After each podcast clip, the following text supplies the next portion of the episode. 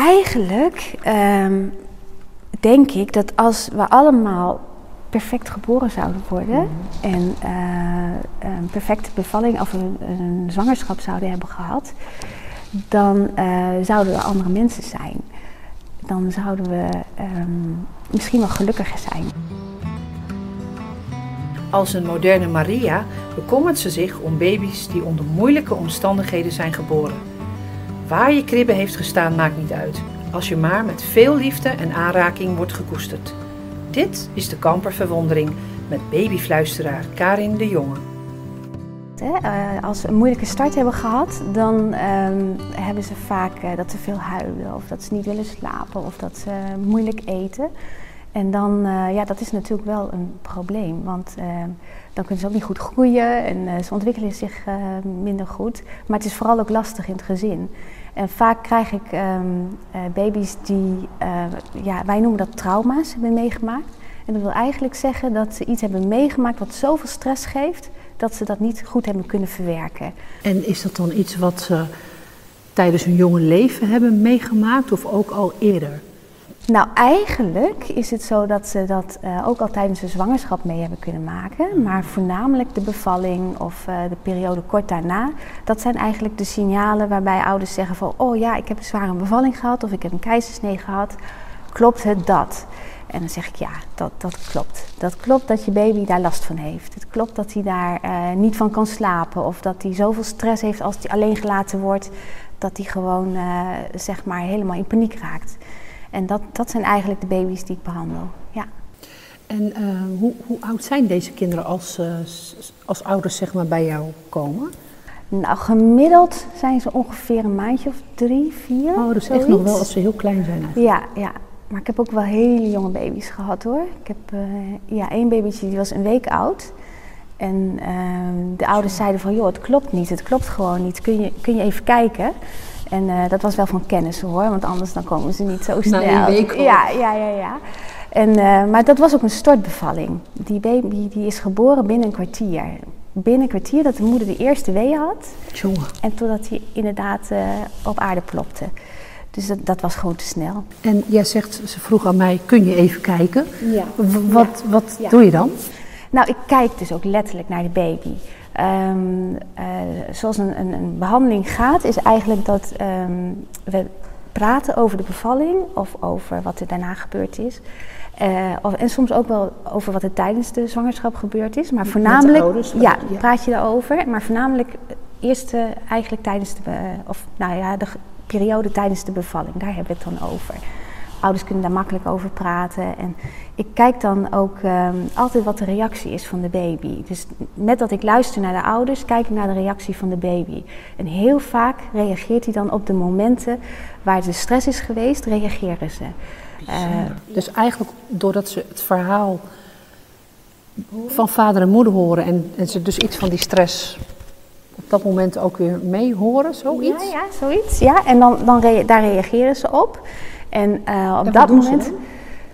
Ja, dat kan heel subtiel zijn. Een, een oogopslag, een, ehm, een vertekening van het mondje, een, een frons, ehm, soms met een armpje zwaaien. De een heel opvallende is altijd als ze tijdens de uitdrijving, dus tijdens de speeldraai, als ze vast hebben gezeten. Ja. Dat is vaak met, met één oogje dat ze dan tegen het bot van de moeder aankomen. Ja.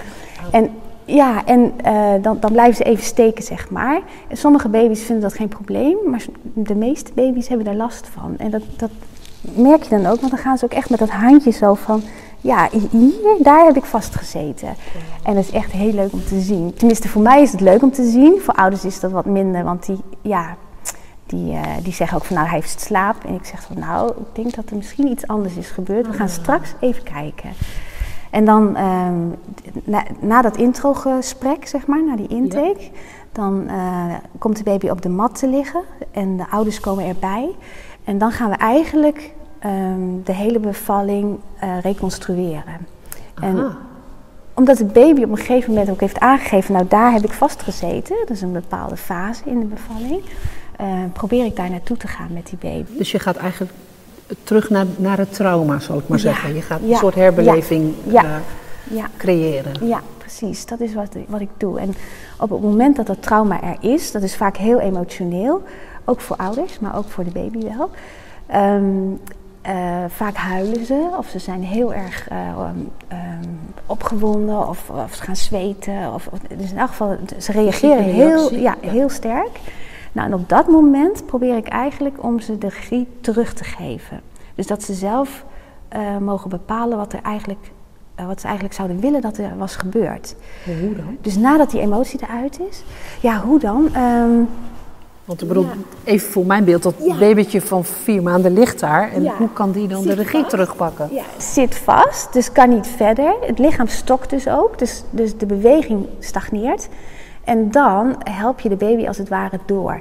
Uh, door even een, een, een, duwtje te geven, of door even het armpje te verleggen, of door te zeggen: Doe maar, kan, je kan het wel, doe maar, doe maar. Of door de moeder te laten roepen, of uh, door even steun te geven aan de voetjes, doe, doe ik ook wel even een wat meer, um, ja, um, ja, compassie, ja, ik weet niet hoe ik dat moet noemen. Mhm. Even wat meer ondersteuning eigenlijk, uh, letterlijk en figuurlijk, uh, voor de situatie waar ze in hebben gezeten, zodat ze zich kunnen herpakken. En dat ze zich ook niet zo alleen daarmee voelen. Precies, ja, ja want dat, dat gebeurt ook heel vaak. Uh, bijvoorbeeld bij een epiduraal, bij een ruggenprik. Ja. Okay, de moeder wordt verdoofd, maar de baby wordt ook verdoofd. Ja. Dus die interactie tussen beiden is weg. Of is in elk geval heel minimaal. Ja. Nou moet je, moet je beseffen wat dat met je doet hè, als baby. Je bent bezig met een enorme klus. Je krijgt constant, die, elke wee die op je hoofd komt is ongeveer 80 kilo. Dus die, die krijg je constant op je hoofd. Je bent ermee bezig. Uh, en dan ineens, uh, dan voel je niks meer en dan is er niks meer en dan is alles weg. Dus dat, dat is echt. Nee. nee. en je krijgt iets in je lijf waarvan je denkt van, goh, wat is dit? Uh, hè, wat moet ik hiermee? Ik wil dit eruit. Dus je bent echt heel erg. En hoe zit dat dan? Want even technisch, bij een epiduraal is oh, het laatste gedeelte wordt het epiduraal uitgezet ja. bij de uitdrijving. Dus ja. dan is er wel weer zeg maar contact. Ja, maar dat herstelt zich pas heel langzaam, hè? Ah, okay. naar de baby toe helemaal. Het moet helemaal door de navelstreng heen. Ja. En uh, ja, dat, dat heeft toch wat uh, gevolgen voor de baby. Ik, ik zit nou even te denken, ik ben zelf ook moeder van drie kinderen. Maar eh, kan je het dan als ouder ooit goed doen? Want ik bedoel, er, er gaat altijd wel iets mis ja. tijdens ja. zo'n proces. Ja, ja, nou dat is ook iets wat ik ouders altijd voorhoud. Um, je, je, doet het niet expres. Je hebt het niet expres gedaan nee, en deze baby heeft er last van, maar goed, dat, dat, daar kunnen we iets aan doen. En dat is niet jouw schuld. Ik, uh, schuld vind ik zo'n groot woord daarvoor. Ja. Um, ik zeg altijd, ouders gaan nooit bewust dingen doen om hun kind uh, uh, slechter voor te laten zijn. Ja. En um, alleen al de stap om naar iemand toe te gaan, hè, ook al is het een fysiotherapeut of een huisarts of een, een wat dan ook, consultatiebureau, noem maar op. Als je daar naartoe gaat om hulp te zoeken voor je kind, dan denk ik al van, weet je, dan ben je op de goede weg. Je, ja. je bent gewoon echt bewust bezig met je baby. Want je geeft toe, er is een probleem, er, er, gaat iets niet goed. Ik kan het niet. Ik en, weet niet hoe ik het moet oplossen. Ja. ja, maar ik wil wel dat het opgelost wordt. Ja. En dat is al, uh, ja, vind ik al heel mooi.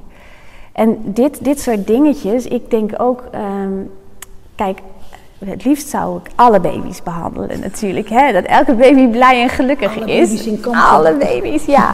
maar ik snap ook wel dat dat ook niet altijd hoeft. Nee. Maar ook niet, niet mogelijk is. Maar het hoeven vind ik vooral heel mooi. Want um, weet je, als je een baby genoeg aandacht geeft. En je geeft ze genoeg um, knuffels. Je geeft ze genoeg uh, warmte. Echt fysiek, maar ook uh, emotioneel dan kunnen een heleboel dingen opgelost worden. En geheeld worden eigenlijk. Ja, en baby's, ja, baby's zijn heel erg vergevingsgezind.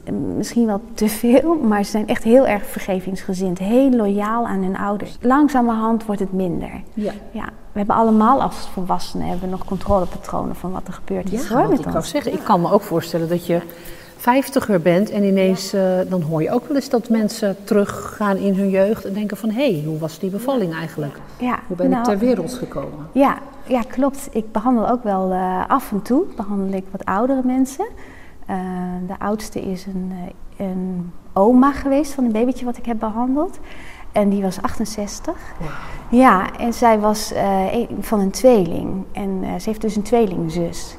Maar eh, het, was, was altijd een beetje strijd met die twee en altijd een beetje eh, problemen. En ze, ze had eigenlijk eh, last van depressies. En ze zei, goh, kan ik niet een keer bij jou komen? Ik zeg, ja, kan wel, maar ik, ik weet eigenlijk niet zo goed hè, Ja. hoe of wat. Maar, maar kom maar gewoon en we kunnen het erover hebben. En dan kijk wat er in je opkomt en wat je voelt. Nou, toen hebben we ook een bevalling nagedaan, of in elk geval eh, het erover gehad. En ze is ook op de mat gaan liggen. En toen op een gegeven moment toen zei ze van, ja, zegt ze maar, ik had eerst gemoeten. Och, En zij, zij is dus eh, via een stuit ter wereld gekomen. En normaal kom je met je hoofd eerst. En zij was met haar billen eerst gekomen. En haar zus, die was gewoon voorgedrongen. Hup, Die had, kant. ja, die had zoiets gehad van, ja, maar ik ga, ik ga eerst. Dus daar heeft ze haar hele leven heeft ze daar last van gehad. En eh, nu heeft ze het uitgesproken met haar zus. En eh, de verhoudingen zijn al iets verbeterd. Ik, ik zal niet zeggen dat de depressies helemaal weg zijn. Dat is niet waar. Want je gaat natuurlijk je leven daarop inrichten. Ja. Het zou ook wel heel, het een was hele magische truc zijn natuurlijk. Ja, als het eh, daarmee in één keer helemaal opgelost zou Maar het was echt enorm bijzonder om dat mee te maken. Ja. Eigenlijk net als dat babytje van een week oud. Want ehm, dat babytje dat, dat had dus problemen met drinken en met slikken en dat soort dingen meer. En ehm, die was gewoon te snel geboren. En Die had meer tijd nodig die had gehad eigenlijk. veel meer tijd nodig gehad, ja. want dat is wel mooi. ehm, al vanaf het allereerste begin eigenlijk worden baby's, eh, oefenen ze zich in het eh, op een normale manier geboren worden. Dus via de speeldraai en een natuurlijke bevalling. Het hele lichaam gaat erop oefenen. Jaap van der Wal, een embryoloog, die weet het altijd prachtig uit te leggen. Dat is echt een geweldige man eh, wat dat betreft. Die, die, die doet dat dan met heel veel bewegingen. Zegt hij van, en dan ga je zo, en dan ga je zo. En dat is echt heel leuk om te zien. Maar goed, in elk geval, je doet dat dus, hè? Als embryo als- al. Dus zeg maar, Als- je, hebt, je hebt er toevallig één bij. Ja, ik heb één bij me. Piepkleine. Deze is eh, twee maanden. Dus een embryo van twee maanden. Ja, die zijn, zijn ook echt zo groot. En alles zit er al op en eraan. Hier zit alles al op. Dat vind ik echt Ja. fascinerend. Als je twee maanden bent, ben je helemaal af. Ja, ja. is heel mooi. En, en zo'n embryootje gaat dus oefenen met wat hem... Ja, die oefent zeg maar die speeldraai, hoe, hoe ze eruit moeten komen. Dus die hebben dat eigenlijk in hun systeem zitten. En zodra er iets anders gaat, dan raken ze van de leg. Dan, dan, Ah, dan komt er dat stress. geeft stress. Ja. Ja.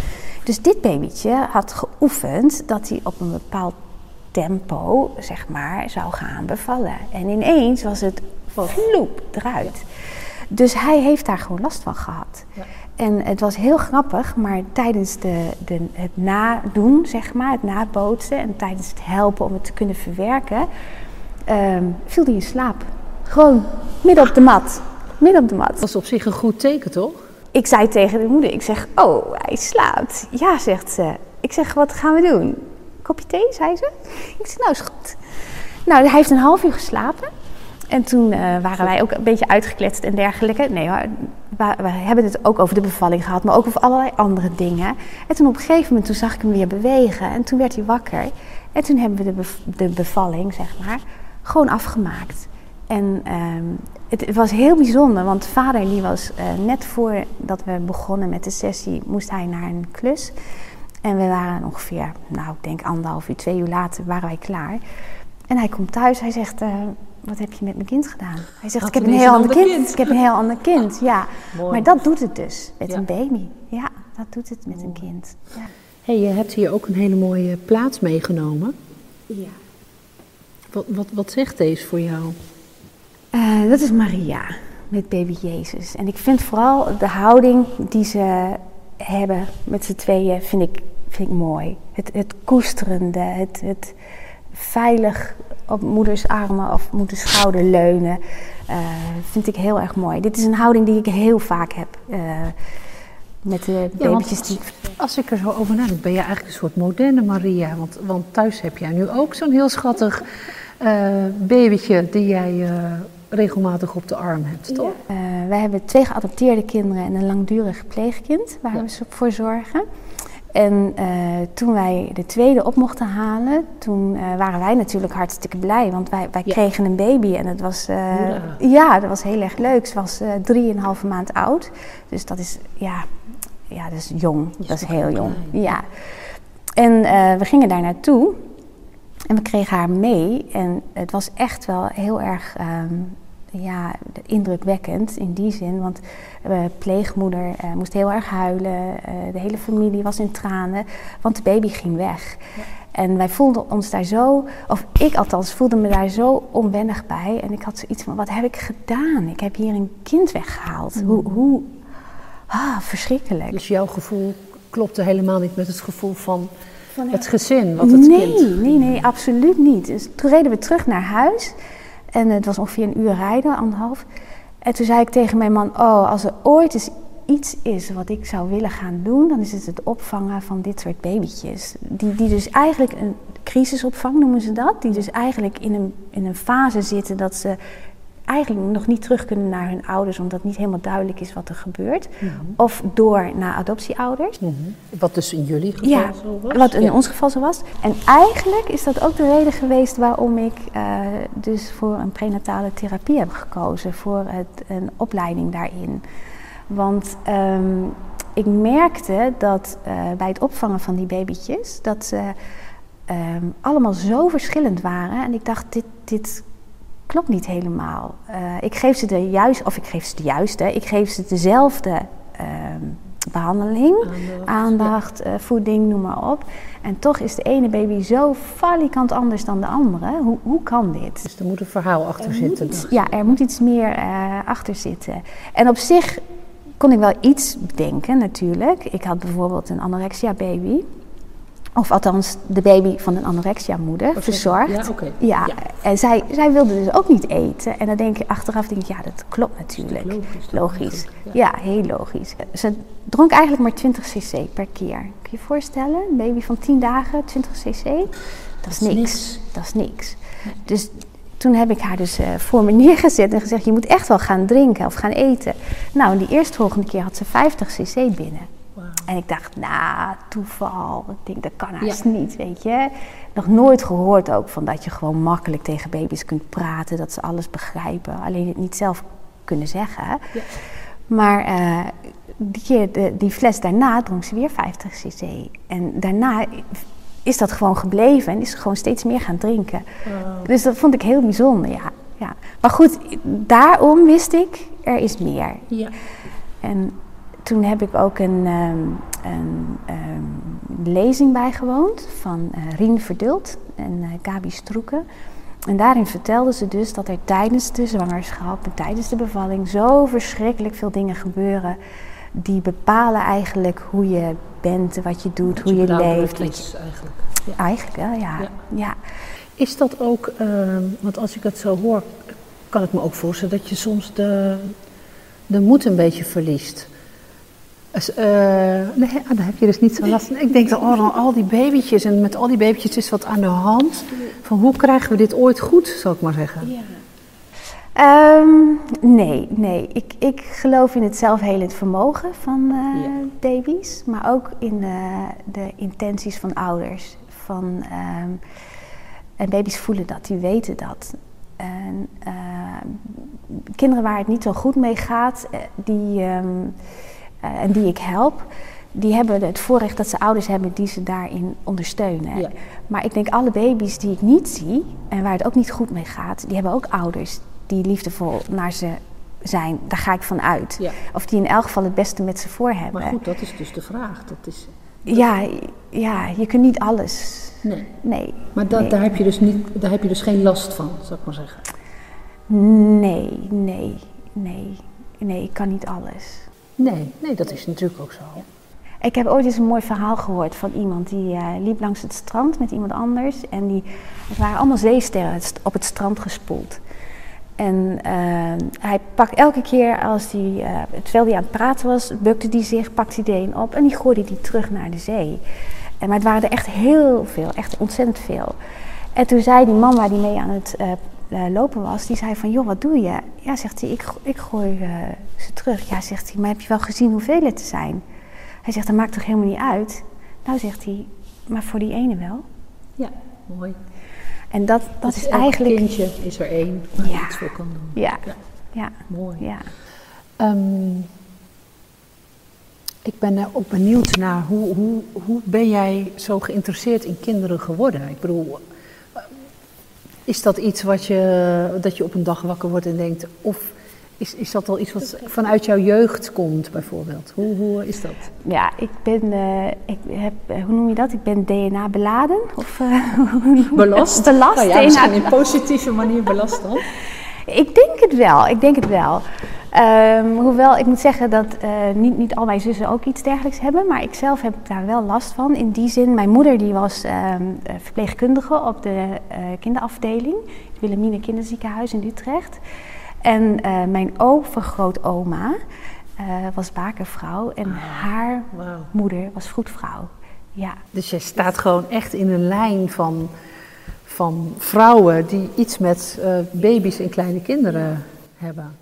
Een aantal jaren geleden, toen we het huis van mijn moeder gingen opruimen, toen heb ik een fotoboekje gevonden van mijn overgrootoma dus. Ik, ik noemde haar altijd Oop. Eh, o- van, naar Opoe of zo. Of, Ja. wij, wij noemden haar Oop. En ze is overleden in eh, 1972. Toen was ik zeven. En, Dus je kan je eh, haar dus nog ik kan me haar, herinneren? Ja, ja, ja, ik kan me haar nog goed herinneren. Ja, het was een, het was een mollige, warme, ja, vriendelijke vrouw. Ja, ja. En dit is haar boekje. Dit heeft ze, meege, of dit heeft ze bijgehouden van alle baby's die ze eigenlijk eh, geholpen heeft, denk ik. Want het- dat kon ik niet meer vragen aan mijn moeder. Nee. Nee. En hier, bij dit plaatje, hier eh, heb ik een fotootje van haar. En daar zie je haar met een babytje. Prachtig. Maar alleen al het doorbladeren van, die, van dat fotoboek vond ik zo ontzettend leuk. En toen herkende ik haar dus ook. En de moeders met de baby's. En ja, het was gewoon echt, eh, echt heel bijzonder. Want dat was eigenlijk nadat ik dus een opleiding had gevolgd. eh, Toen voor kwam je hier baby pas achter. Toen kwam ik hier pas achter. Ja, ergens wist ik het wel. Je- Weet je, je weet het. Ja. Maar ik wist ook niet dat haar moeder ook eh vroedvrouw was geweest. Dat wist Nee. ik dus niet. En ehm, daar kwam ik dus later achter. Maar ja, dit was zo'n schat aan informatie. Echt zo'n... hier, ja, hier zie je haar ook nog een keertje. Met een babytje. Ja. Ja. ja, het klinkt heel raar, maar ik denk dat iedereen wel op zoek is naar ehm, een doel in het leven of, of een roeping in het leven eigenlijk. En eh, ik wist wel dat het iets was met, met kinderen, met baby's, want ik ben natuurlijk kleuterjuf, hebben een kinderdagverblijf gehad. Dus ik wist dat het iets was met kinderen, maar wat of hoe, ja, dat, dat was me nog niet helemaal duidelijk. Ik vond de opleiding heel pittig, maar ook heel erg leuk. Maar eh, toen ik dit boekje vond, toen dacht ik, ja, dit, dit kan niet anders. Dit moet wel zo zijn. Dit, eh, Nu klopt het. Ja, het klopt. Het klopt gewoon, ja. ja. Eigenlijk ehm, denk ik dat als we allemaal perfect geboren zouden worden en eh, een perfecte bevalling of een, een zwangerschap zouden hebben gehad, dan eh, zouden we andere mensen zijn. Dan zouden we ehm, misschien wel gelukkiger zijn.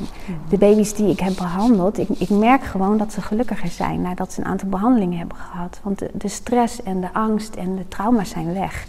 En ik denk dat een heleboel van ons als, als volwassenen ook nog angsten en trauma's hebben. En ehm, Die we van, vanuit vroeger met ons me- meegebracht ja, ja, ja, ja. En ehm eh, Sue Gerhardt is een ehm, professor en die heeft een boek geschreven waarom liefde zo belangrijk is. Omdat het van alles doet met je hersens, Ja. die, die, die liefde en die aandacht. En ehm, eh, vanuit de opleiding eh, die ik gehad heb voor babytherapeut, eh, had mijn professor die daar dus de opleiding gaf of verzorgde, die had een gedicht aangedragen. Eh, waarin het eigenlijk heel mooi naar voren komt. En je kan het ook verplaatsen in als, als baby bijvoorbeeld. Hè? Als, als baby iets had ik meegemaakt. Ik moet wel even mijn bril opzetten hoor. met de leeftijd, met de jaren. Als ze als kind niet altijd zo stil had hoeven zijn, had ze vandaag misschien het hoogste lied gezongen. Als ze als kind niet altijd zo alleen was geweest, had ze vandaag misschien al lang iemand gevonden. Als ze als kind niet altijd zo bang had hoeven zijn, had ze vandaag misschien van iemand durven houden. Als ze als kind niet altijd zo'n puinhoop had gezien, had ze vandaag misschien kastelen kunnen bouwen. Als ze als kind de warmte van de zomer had gekend, was ze die warmte in haar winter nooit verloren. Als ze als kind de warmte van een nest had gekend, had het haar leven lang niet gevroren. Als ze als kind al niet zo oud had hoeven zijn, had ze vandaag nog een kinderlied gezongen. Als ze als kind gewoon een kind had kunnen zijn, was ze vandaag als kind opnieuw begonnen. Prachtig. Ja, Lieselore Gerrits. Oktoberkind, 1984. Ja, dat, Waarom vind je dit zo mooi? nou, dat is ook wat ik doe. Dat is wat ik doe. Een baby een, een nieuwe start geven. Een, een, een, een leventje resetten, als het ware. Eh, ehm, dat ze gelukkig kunnen zijn. Of dat ze ehm, blije baby's kunnen worden. Waarmee je eigenlijk dit voorkomt, wat in het gedicht genoemd wordt. Ja, waardoor ze sterk zijn, veel meer zelfvertrouwen hebben. Waardoor ze ehm, ja, kunnen genieten van alles wat ze meemaken. Zonder dat ze bang hoeven te zijn dat er iets gaat gebeuren. Of dat ze angst hebben voor, eh, voor, ja, voor, voor enge mannen in witte jassen. Of voor eh, harde geluiden. Of voor ehm, veel licht. Als je al naar een keizersnee kijkt bijvoorbeeld. Of naar een gewone natuurlijke bevalling. Het verschil daartussen, de harde geluiden, de, de, de, de, de vele mensen die om je heen staan, eh, noem maar op. Er is een eh, professor Michel Audin, die heeft daar een onderzoek naar gedaan. En die zei, joh, als, als alle kinderen toch zouden kunnen mogen bevallen in een, in een warme, eh gedempt lichte, eh, bijzondere, Omgeving. empathische omgeving, met hun ouders erbij en misschien één of twee andere mensen, dan zou dat een hele andere wereld worden. Dan denk ik, nou, daar zijn we nog lang niet. Daar zijn we nog lang niet, nee. Maar daar draag jij wel je stukje aan bij. Ik hoop het, ik hoop het, ja. Ja, ik hoop het wel, ja. Prachtig. ja. Dankjewel. Graag gedaan.